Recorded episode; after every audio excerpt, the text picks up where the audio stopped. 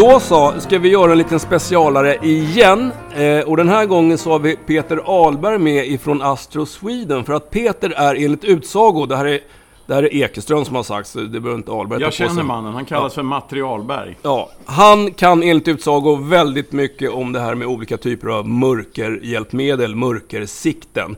Och det är en sån här återkommande frågeområde. Vad ska man ha, vad ska man välja och så vidare. Så vi tänkte vi ska mm, fråga, passa på nu när vi har Peter här. Och precis som när vi intervjuade Anton på ROAG så är det som så att vi eh, propagerar inte för något specifikt märke, men tekniken är ju densamma oavsett vad det står för fabrikat på på eh, siktet eller kikaren. Och sen om Peter råkar nämna några fabrikat så är honom fritt fram eftersom han ändå jobbar på Astro. Så att, eh, men du får väl börja med en liten kort eh, presentation Peter, vad du gör på Astro. Ja, jag jobbar på eh, Astro Sweden. Eh, där har jag ansvarsområde tillsammans med George eh, Optik. Och det innefattar jaktoptik, det innefattar vanliga kikare, tubkikare och nattsikten då givetvis. Det bör ju passa ganska bra då, för det är precis det vi ska prata om. Om det smäller lite någon gång ibland så, så är det inte skott, utan det är så jäkla mycket mygg. Vi sitter i slaktboden. Mm. Eh, men jag har ju det här... Eh, men nämn inte märket, för Nej, får inte Jo, men det gjorde vi förra gången. Centaura, vi får inte betalt för att vi säger Nej, det. Okay, okay. Vi, vi kör det allihopa här. Lindevall har hittat, han är veterinär, så han har hittat myggmedel som egentligen är till för hästar. Ja. Eh, det funkar. Bör funka på, det är faktiskt, nu står det för häst och människa. Det var ett sidospår, ja. vi kör igång på en gång. Det vad babbligt det. Jag ber om ehm. ursäkt för det. det är, det intressanta är att det är du som babblar. Det brukar ju vara jag som är babblig. Ja, jag var uppeldad inför det här. så att, eh. Men vi tar det från början. Så här då, om, om jag har förstått det hela rätt, eh, så, nu är det jag som lite grann pratar mer, för herr Ekeström kan ganska mycket om det här redan. Men jag är inte alls lika påläst. Men om jag nu bestämmer för att jag ska ut och jaga vildsvin, skyddsjaga i mörkret, så vitt jag förstår så har man tre alternativ om man ska se grisarna på natten. Antingen sätter man på en bra stark lampa på bössan, vilket både jag och herr Ekeström har gjort i många år. Det funkar utmärkt. Fördelen med det är att man får ett ganska brett synfält, man, man ser lätt vad som händer efter skottet. Eh, nackdelen då jämfört med moderna mörkerhjälpmedel så ser man ju eh, väsentligt mycket kortare sträcka och en del grisar reagerar på ljuset och, och drar. Så att vi pratar inte så mycket mer om ficklampor nu, men det alternativet finns ju. Och då har man de här andra två teknikerna. Det är termiska eh, kikare slash kikarsikten som alltså registrerar värme. Och sen är det IR-teknik. Säger man ljusförstärkare eller? Bildförstärkare. Bildförstärkare. Digital bildförstärkare. Och om jag nu ska välja, jag sätter mig och går in på, på eh, Astro Swedens hemsida så ska jag leta reda på ett kikarsikte ja, då börjar jag med de här två kategorierna. Och om du bara utan att ta parti för den ena eller andra tekniken nämner ett par fördelar med, med IR-teknik. Eh, den är väldigt eh, billig ja. i konstruktion. Den är enkel att göra. Den är inte så dyr som eh, den andra tekniken som vi snart kommer att nämna då. Men den är billigare helt enkelt. Och vad är nackdelarna då? Det blir ofrånkomligt så att man säkert jämför teknikerna, men vad, vad är nackdelarna? Nackdelen är att eh, IR-lampan kan påminna ganska mycket om den vanliga lampan som man har. Ja. Eh, och ni som har använt vanliga lampor ute när ni jagar, ni har ju säkert känt av när det blir dimma. Där ljuset inte orkar igenom dimman. Det studsar eller, ju på dimman. Ja, precis. Då. Eller man får en reflektion mm. av någonting. Det kan ju handla om grenar, lövverk massa saker som är i vägen för mig. Mellan mig och vildsvinet så ja, kan det vara någonting som där ljuset studsar tillbaka på mig. Det kan också vara så att lampan, IR-lampan då, som belyser målet, för det är ju det jag ser. Eh, den kan ju studsa ljuset då även mot ljuddämparen. Om man använder det på vapnet till exempel. Det. det är ett ganska vanligt återkommande problem för många. Då, då kommer vi till en fråga som, för när jag satte på mörkersikte för många år sedan från början. Då höll ju både jag och Ekeström på, på att testa lite olika varianter och då tyckte vi, eller vi upplevde med termotekniken just det här att det var svårt att se om det var några små kvistar, grenar framför. Mm. Därför att det liksom försvann. Mm. Eh, jag såg den varma grisen men jag kunde omöjligt se om det var några små pinnar mm. framför. Mm. Eh, men, men nu tycker jag när jag tittat, Peter testar ju grejer. Det, ehm, det ser ut som att utvecklingen gått rätt mycket framåt där. otroligt mycket framåt skulle jag säga. Eh, de första sikterna som jag testade det var en eh, färgad eh, vit klump som rörde sig. Ja. Idag så kan vi utröna hur långa hårstrån vildsvinen har. Vi ser sådana detaljer idag som man inte trodde var möjliga. Liksom. Det har gått jättefort och det är fortfarande inte fullutvecklat men bra mycket bättre utrustning idag än när vi började med värmesikterna. Då. Men det här betyder, eftersom utvecklingen gått så snabbt framåt, så betyder det med stor sannolikhet att på marknaden idag så finns det ett väldigt brett spann när det gäller kvalitet på tekniken. Ja men så är det. Många tillverkare försöker ju idag att slå sig in på marknaden givetvis för att de ser ju att det här är en potentiell eh, inkomst eh, givetvis. Eh, stora märken som jag säger inga namn men det finns... Du får det. Ja, men jättekända tillverkare då av vanliga kikarsikten och kikare som nu har gett sig in i eh, mörkeroptiksvärlden. Då. Ja, eh, och då får man ju tänka att det finns ju andra tillverkare då, till exempel Yukon och Pulsar. De har hållit på i 30 år. Med just det här? Med just den här tekniken. Mm. Eh, och utvecklat den framåt nu. Och sen är det då andra konkurrerande verksamheter som nu försöker då gå in och börja någonstans för att också ta mark där. Ja, och de ligger efter. Ja. Eh, de har lång väg att vandra för att eh, de som har hållit på länge, de har ju gått på eh, de här nybörjarna, misstagen, misstagen ja, och liksom de, de har ju utvecklats hela tiden och sett liksom det här funkar, det här funkar inte. Så ett, så ett allmänt tips det är att man, man kanske ska, när man ska välja något så, så ta något av de marken som har jobbat med, med mörkerteknik i många år. Alltså det är rent generellt. Ja, då vet man ju garanterat vad man får. Eh, ett litet stickspår med en sak som jag inte nämnde när jag pratade om att skjuta med vanlig lampa. En av fördelarna med det är att man kan ha sitt vanliga kikarsikte på och slippa hålla på och skifta emellan. Då. Men det finns ju också frontmonterade både IR och eller termiska mm. eh, varianter. Mm. Bara rent allmänt där då, om man bortser från tekniken. Det låter ju otroligt smidigt liksom. Att, att eh, man har sin vanliga kikarsikte på så sätter man bara på en frontmonterad enhet och så får man IR eller eh, termisk teknik. Mm. Är det några nackdelar med det? Ja, det är det. Eh, det är eh, framförallt skulle jag säga det viktigaste man ska tänka på om man ska tänka tanken frontmonterat eller bakmonterat. För det finns ju också teknik som man, du kan eh, montera bakom. Ah, alltså okay. där du har ah, ditt ja. okular. Okay. Så det finns ju både frontmonterat och bakmonterat. Och det man ska tänka på när, om man ska ge sig in i den tekniken det är att man har gedigna fästen till sitt kikarsikte. Mm. För nu bygger man på ytterligare vikt eh, som kan bli en brytning i fästena. Eh, vapnet blir en annan balans i mm. än vad du är van vid att hantera. Eh, och ska man då ha ett sånt här bakmonterat till exempel, då får man ju tänka på hur eh, kraftig rekyl har jag i mitt vapen? Kommer jag tillhöra Svenska Halvmåneförbundet eh, efter en smäll eller kommer jag att klara mig? Eh, det är sådana aspekter som man måste ta med i detta. Sen är det ju fästet på själva Kikarsiktet. Kikarsiktet. Mm. Alltså där, där jag sätter en adapter på något sätt. Eh, och den ska ju då vara korrekt anpassad till just den lins jag har mm. på mitt kikarsikte eller på mitt okular i bak. Mm. Så den måste passa till 100%. Man kan inte chansa där. Utan här måste det liksom vara 100% att det sitter fast. För annars så kommer ju utrustningen att flytta på sig helt enkelt. Men, men alltså är den lika bra då? Alltså, finns, alltså den här, de här nya kikarsiktena alltså, av, av kvalitetsmärken eller, eller, riktigt bra grejer. De är ju sjukt bra. Mm. Alltså det är de, men är, är, li, är de lika bra de här frontmonterade eller bakmonterade? För det är mycket mindre enheter. Är det samma teknik i dem eller?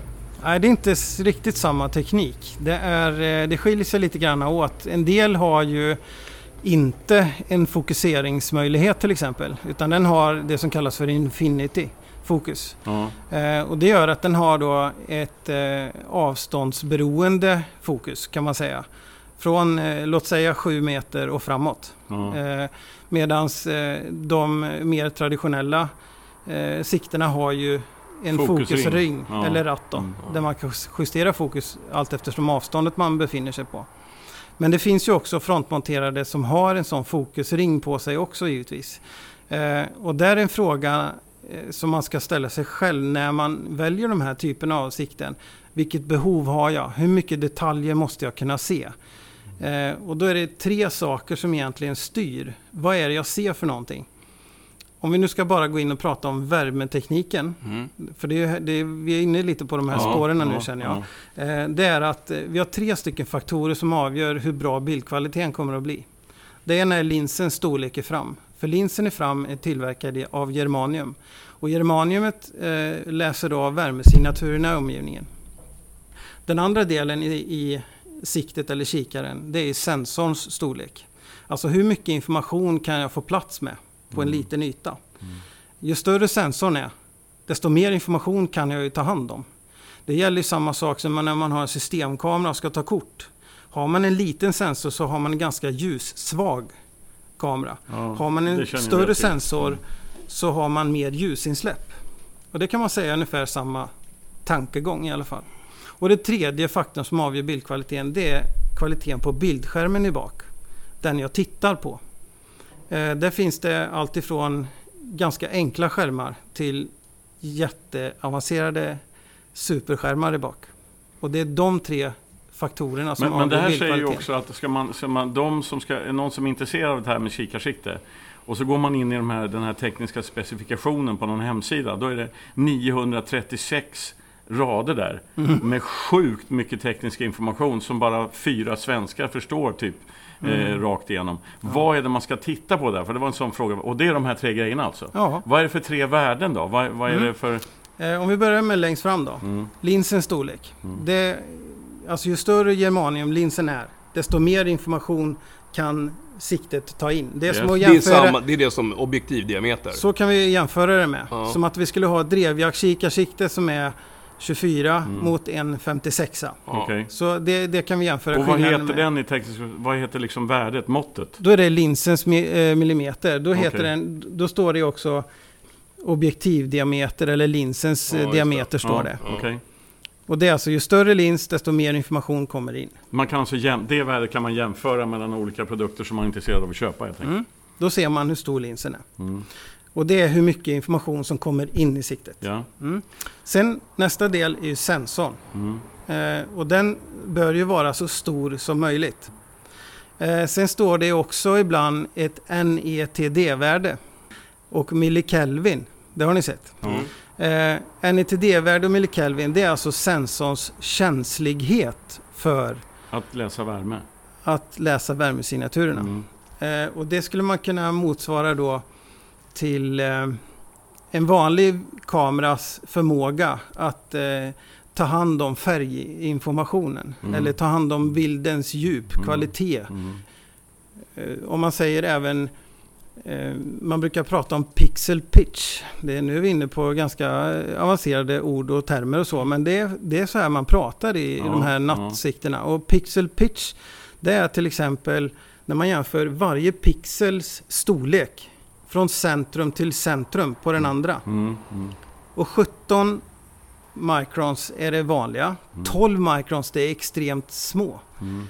Och det här avgör också bildens. Kvalitet givetvis. Där vill man ha ett så lågt värde som möjligt alltså? Ja, det vill man.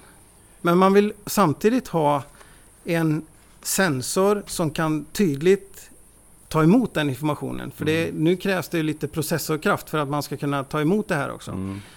Eh, så för att få den mest optimala bilden så är det inte alltid säkert att 12 microns är det bästa. Utan ibland kan 17 ge en skarpare bild För att det lirar bättre med sensorn? Och lirar hela vägen bättre ja. med skärmen, sensorn och linsen.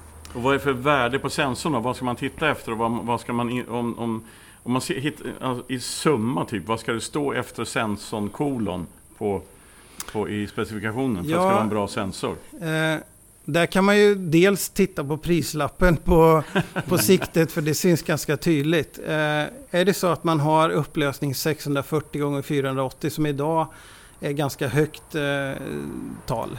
Eh, det finns ju även med 512. Eh, och ligger de i de här spannerna då, då är det en ganska dyr sensor. Mm. Men då får du förklara för mig. Eh, om jag nu läser på, på ett av era termiska sikten så står det sensor, precis som du sa, 640 x 480. Eh, 17 mikrons på den. Eh, sen har vi då displayen som har en högre upplösning i, pixlar räknat, 1024 768. Har jag någon nytta av att ha en högre upplösning på, på displayen än, än vad jag har på, på sensorn? Ja, men det har du. Jag brukar rekommendera att man verkligen tittar på displayen också. För jämför man en, eh, en OLED-skärm eller en AMOLED-skärm eller en HD AMOLED-skärm så är det som att jämföra en, eh, en tjock-TV från 1970 till dagens moderna superskärmar som man kan köpa som TV.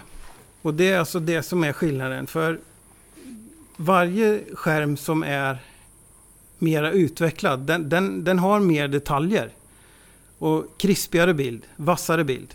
Så trots att liksom indatan från sensorn är, har en lägre upplösning så ser jag ändå skillnad på bildkvaliteten om jag Ja. har en bättre skärm? Ja, Okej. det gör du. Ja.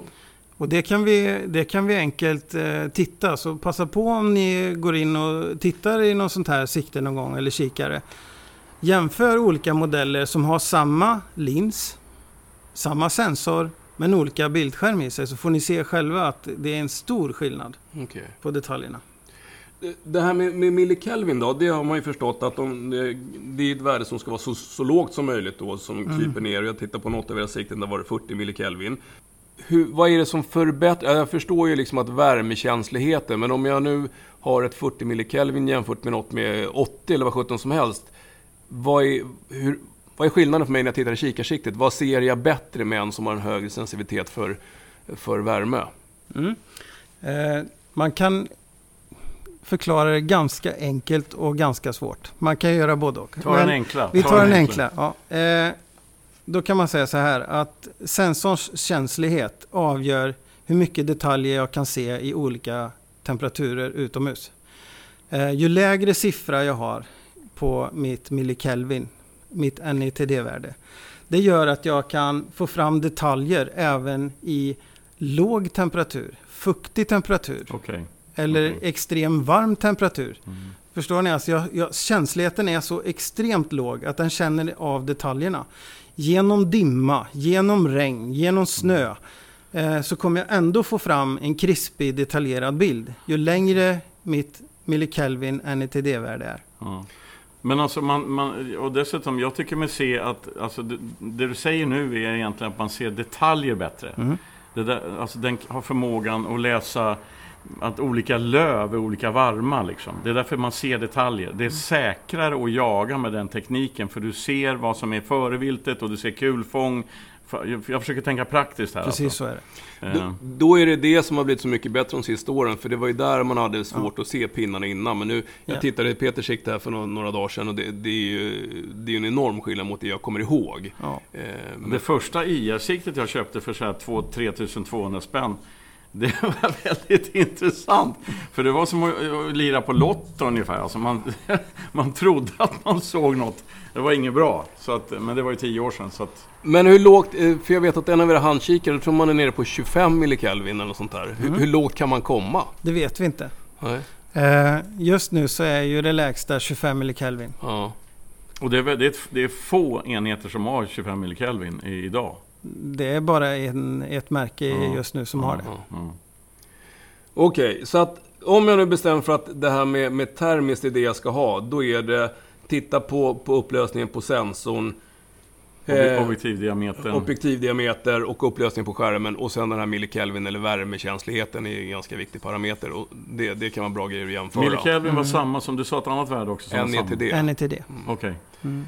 Ehm, mm. Men vi har, nu har vi snöat in på termiskt. Det här med bildförstärkare, är det på väg? Om jag nu alltså, inte har en jättestor plånbok och vill hitta någonting som Mm. har en lite lägre prislapp, då förstod jag att då är IR Mm. eh, ett bra alternativ. Ja, det är det. Eh, och, och då gör vi samma sak där då, för det är, det är ungefär nästan lika långa tekniska prestanda på om man går in och klickar på, på de olika IR-sikterna. Mm. Vad, vad tittar jag på där? Nu, nu återkommer ju en del ord där, så jag misstänker att objektivdiameter och sensorupplösning är viktiga parametrar även på Ja. IR. Det är det. Eh, och där tittar man ju på linsens storlek, precis som på ett vaksikte mot Ja. ett drevjaktsikte. Så det är ju också avgörande för hur mycket ljus som kommer in i den. Då. Mm. Eh, och sensorn talar ju om eh, hur, hur känslig den är för IR-belysningen då. Det är ju egentligen kameror. Eh, Ja, våra det. sikten. Som, Ja. som eh, känner av då Mm. IR, infraröd belysning helt enkelt. Vad är ett bra värde om jag ska ha ett bra, bra IR-sikte? Vad bör, vad bör sensorn ligga på då? Nu, vänta, nu kommer det. Brrrr. Jag vet det är trummor nu. det, det är så svårt att säga att den ska ligga på det och det och det. Det är helheten i siktet som avgör hur bra bilden blir. Ja. Eh, även där. Så att det, det, det finns inte någon sån här generallösning att den sensorn och den linsen och den... Utan det är helheten där som bygger kvaliteten i ett mörkersikte och framförallt bildförstärkarna. Då. Och vad är själva den bildförstärkande? Finns det någon... Är det, är det också en samling av en massa olika grejer? Eller finns det någonting man kan titta i tekniska datan och liksom få en uppfattning om hur bra bildförstärkningen är? Eller är det en sammanvägd funktion av, av allt det här också? För det, man brukar ju prata om, Ja, om eh, den, den- här LED eh, nanometer, 940 nanometer eller vad det betyder. Ja, men nu är du inne på IR-lampans styrka Ja. och eh, olika färg på dem. Okej, och så det den, ingenting den, med... eh, den är ju en helt annan sak som vi ska prata om snart tänkte Ja. jag. Men vi kan gå in på den nu då.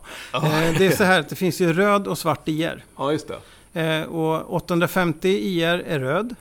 eh, Och eh, 940 är svart. Och den röda ser man.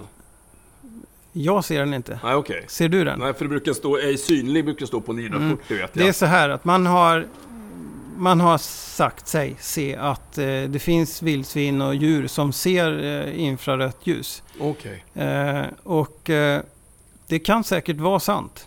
Eh, för det finns dokumenterat när grisar har sprungit fram på en åtel och kameran tar ett kort på de gamla kamerorna vi hade i början. Mm. De hade ju röd IR, eller vit IR, eller vita IR-lampor stod det på dem till och med. Eh, men då när det blixtrar till, då reagerar grisen. Men då har de ju oftast varit påskjutna eller varit utsatta för att skrämmas just i samband med att det blixtrar. Mm. Men då ser man kanske mikroskopisk liten röd diod.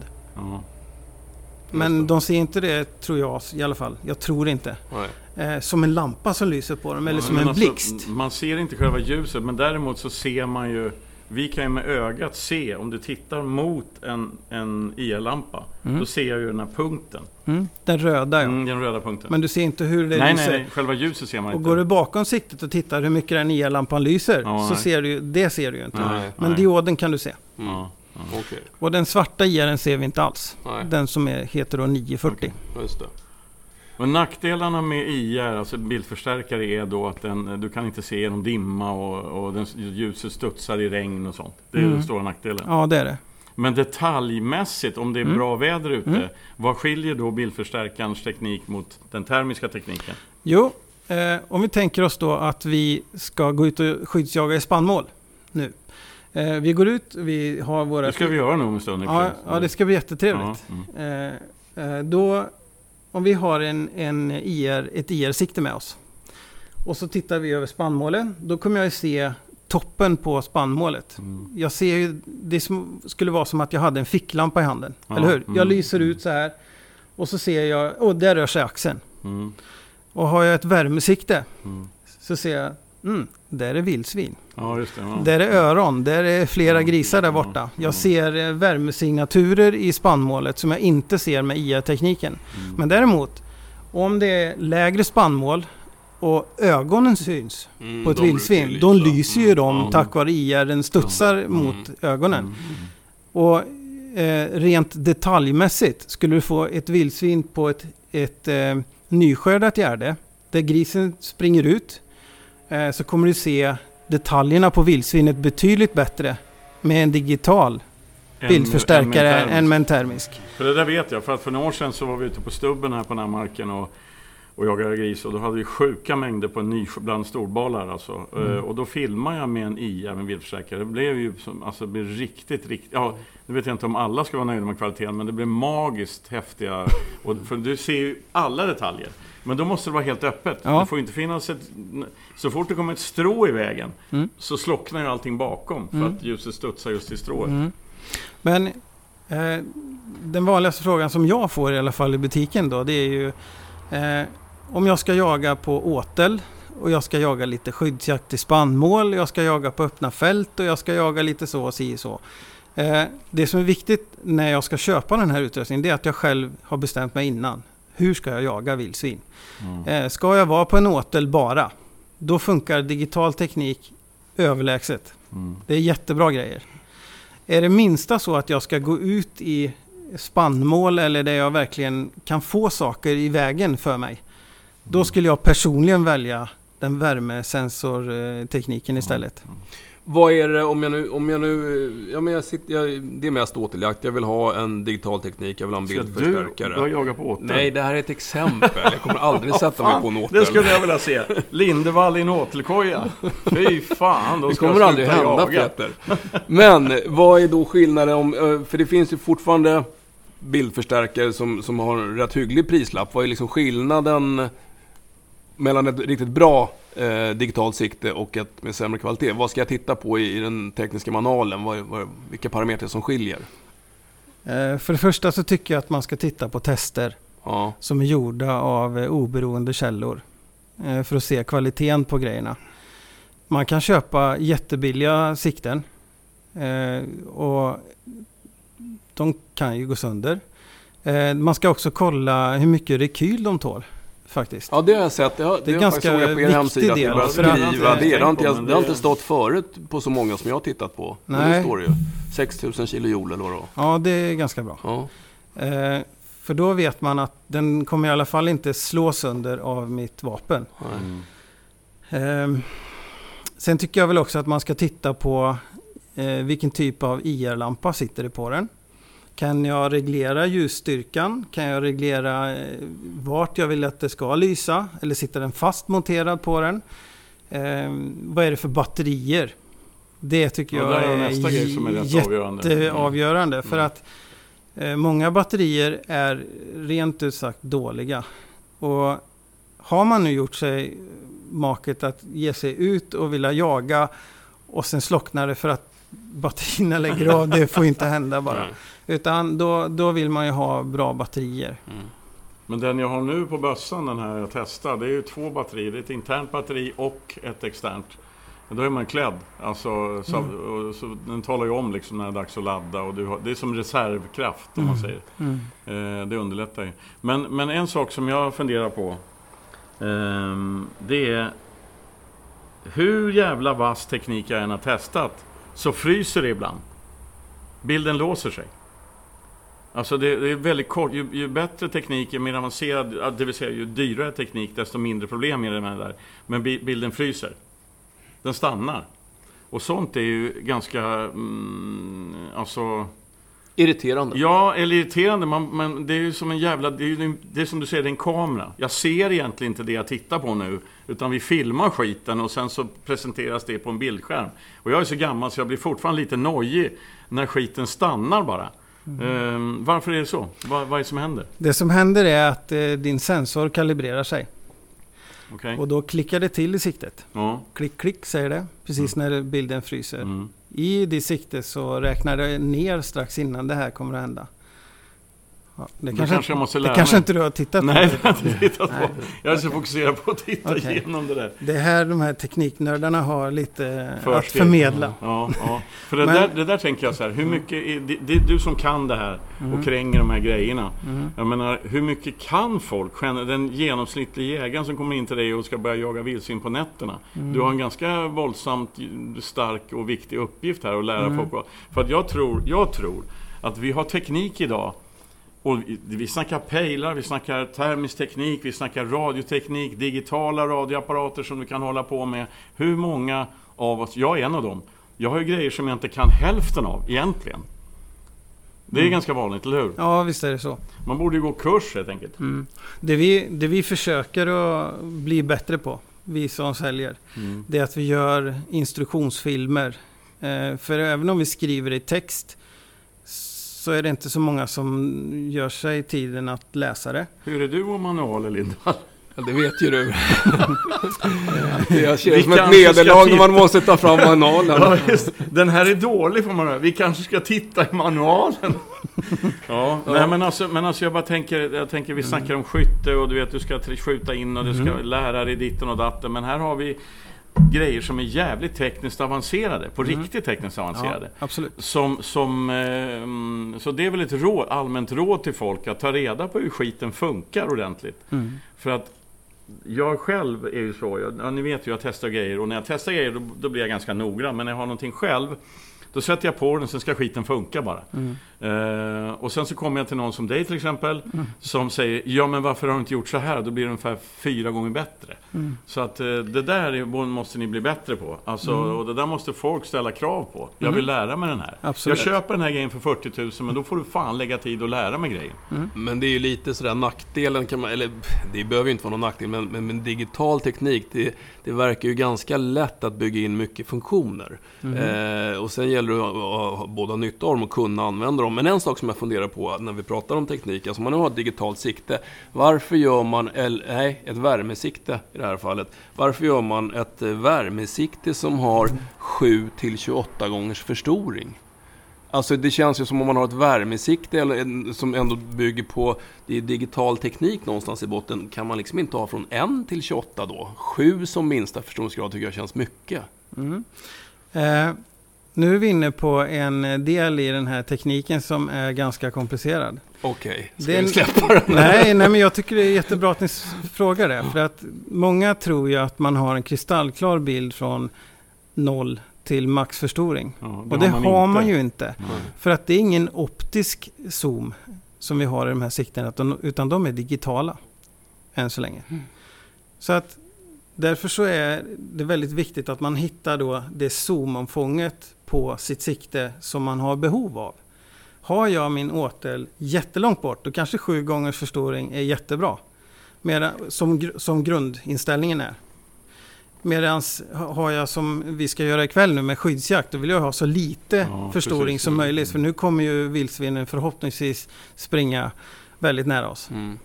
Det är en stor skillnad på användningsområdet just. Mm. Eh, sen är det så här att det finns ju fler länder än Sverige som eh, tillåter det här. Eh, där man har skyddsjakt på ja, diverse djur. Eh, där man får skjuta på extrema håll då för att de är så skygga och så vidare. Mm. Så att... Eh, Okej, det, det är sikten inte anpassad till svenska marknaden utan det är inte bara, världen. inte bara. Fan också. Ja.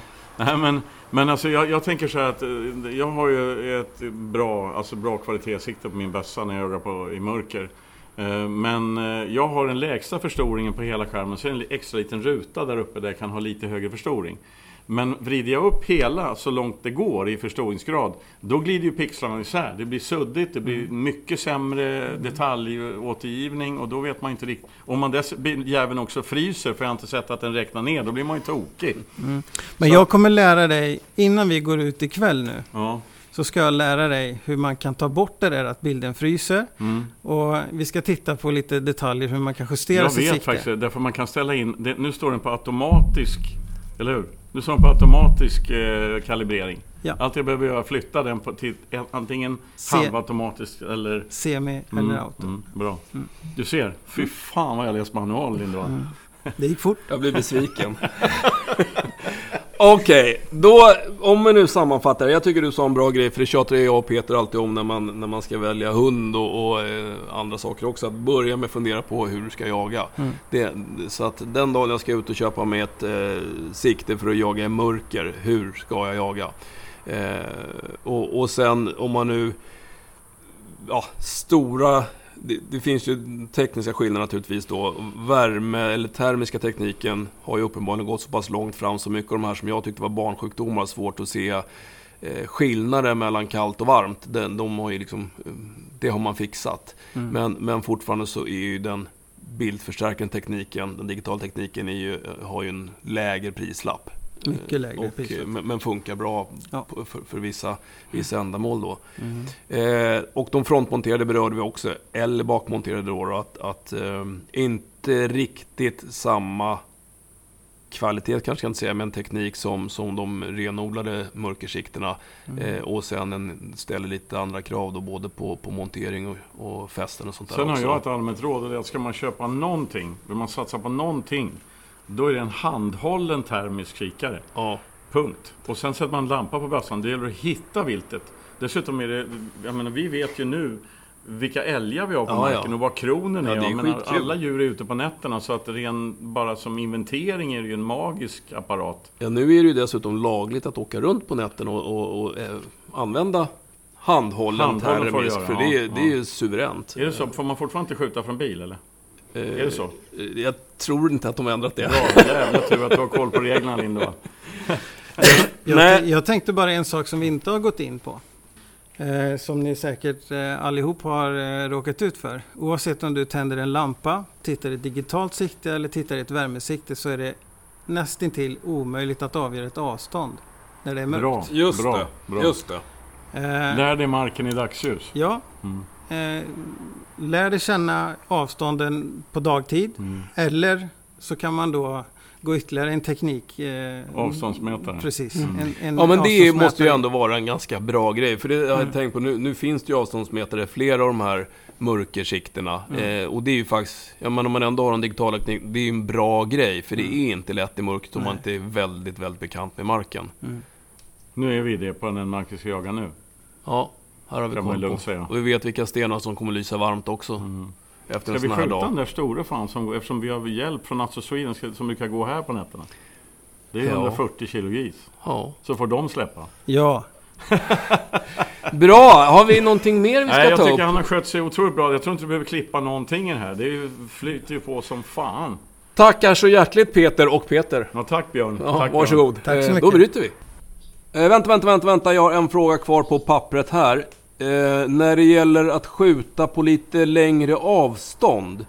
Är det någon skillnad då i tekniken? Eh, är det någon som är bättre att använda när det är långt bort än de här vanliga som vi skjuter på 40-50 meter? nej inte rent skjutmässigt. Men däremot så om du ska observera någonting. Eh, så skulle jag väl säga så här att eh, den digitala tekniken. Eh, där ser du lika långt som din IR-lampa klarar av att lysa. Just det. Så det kanske är någonstans mellan 300 och 500 meter. Säger vi som max. Mm. cirka. Eh, medans i den värmetekniska, alltså den ja, termiska delen, eh, så brukar man ju säga mellan eh, en och en halv till två kilometer. I Ja, becksvart okej. mörker Ja. ser du saker. Du ser Så- längre. Så när det gäller att hitta djur så är den termiska tekniken bättre. Men om vi pratar normala skjutavstånd så duger båda för att skjuta. Absolut. Bra! Då är jag nöjd. Hade du något mer? Nej, om jag inte kommer på något. Stäng av. Jag stänger av.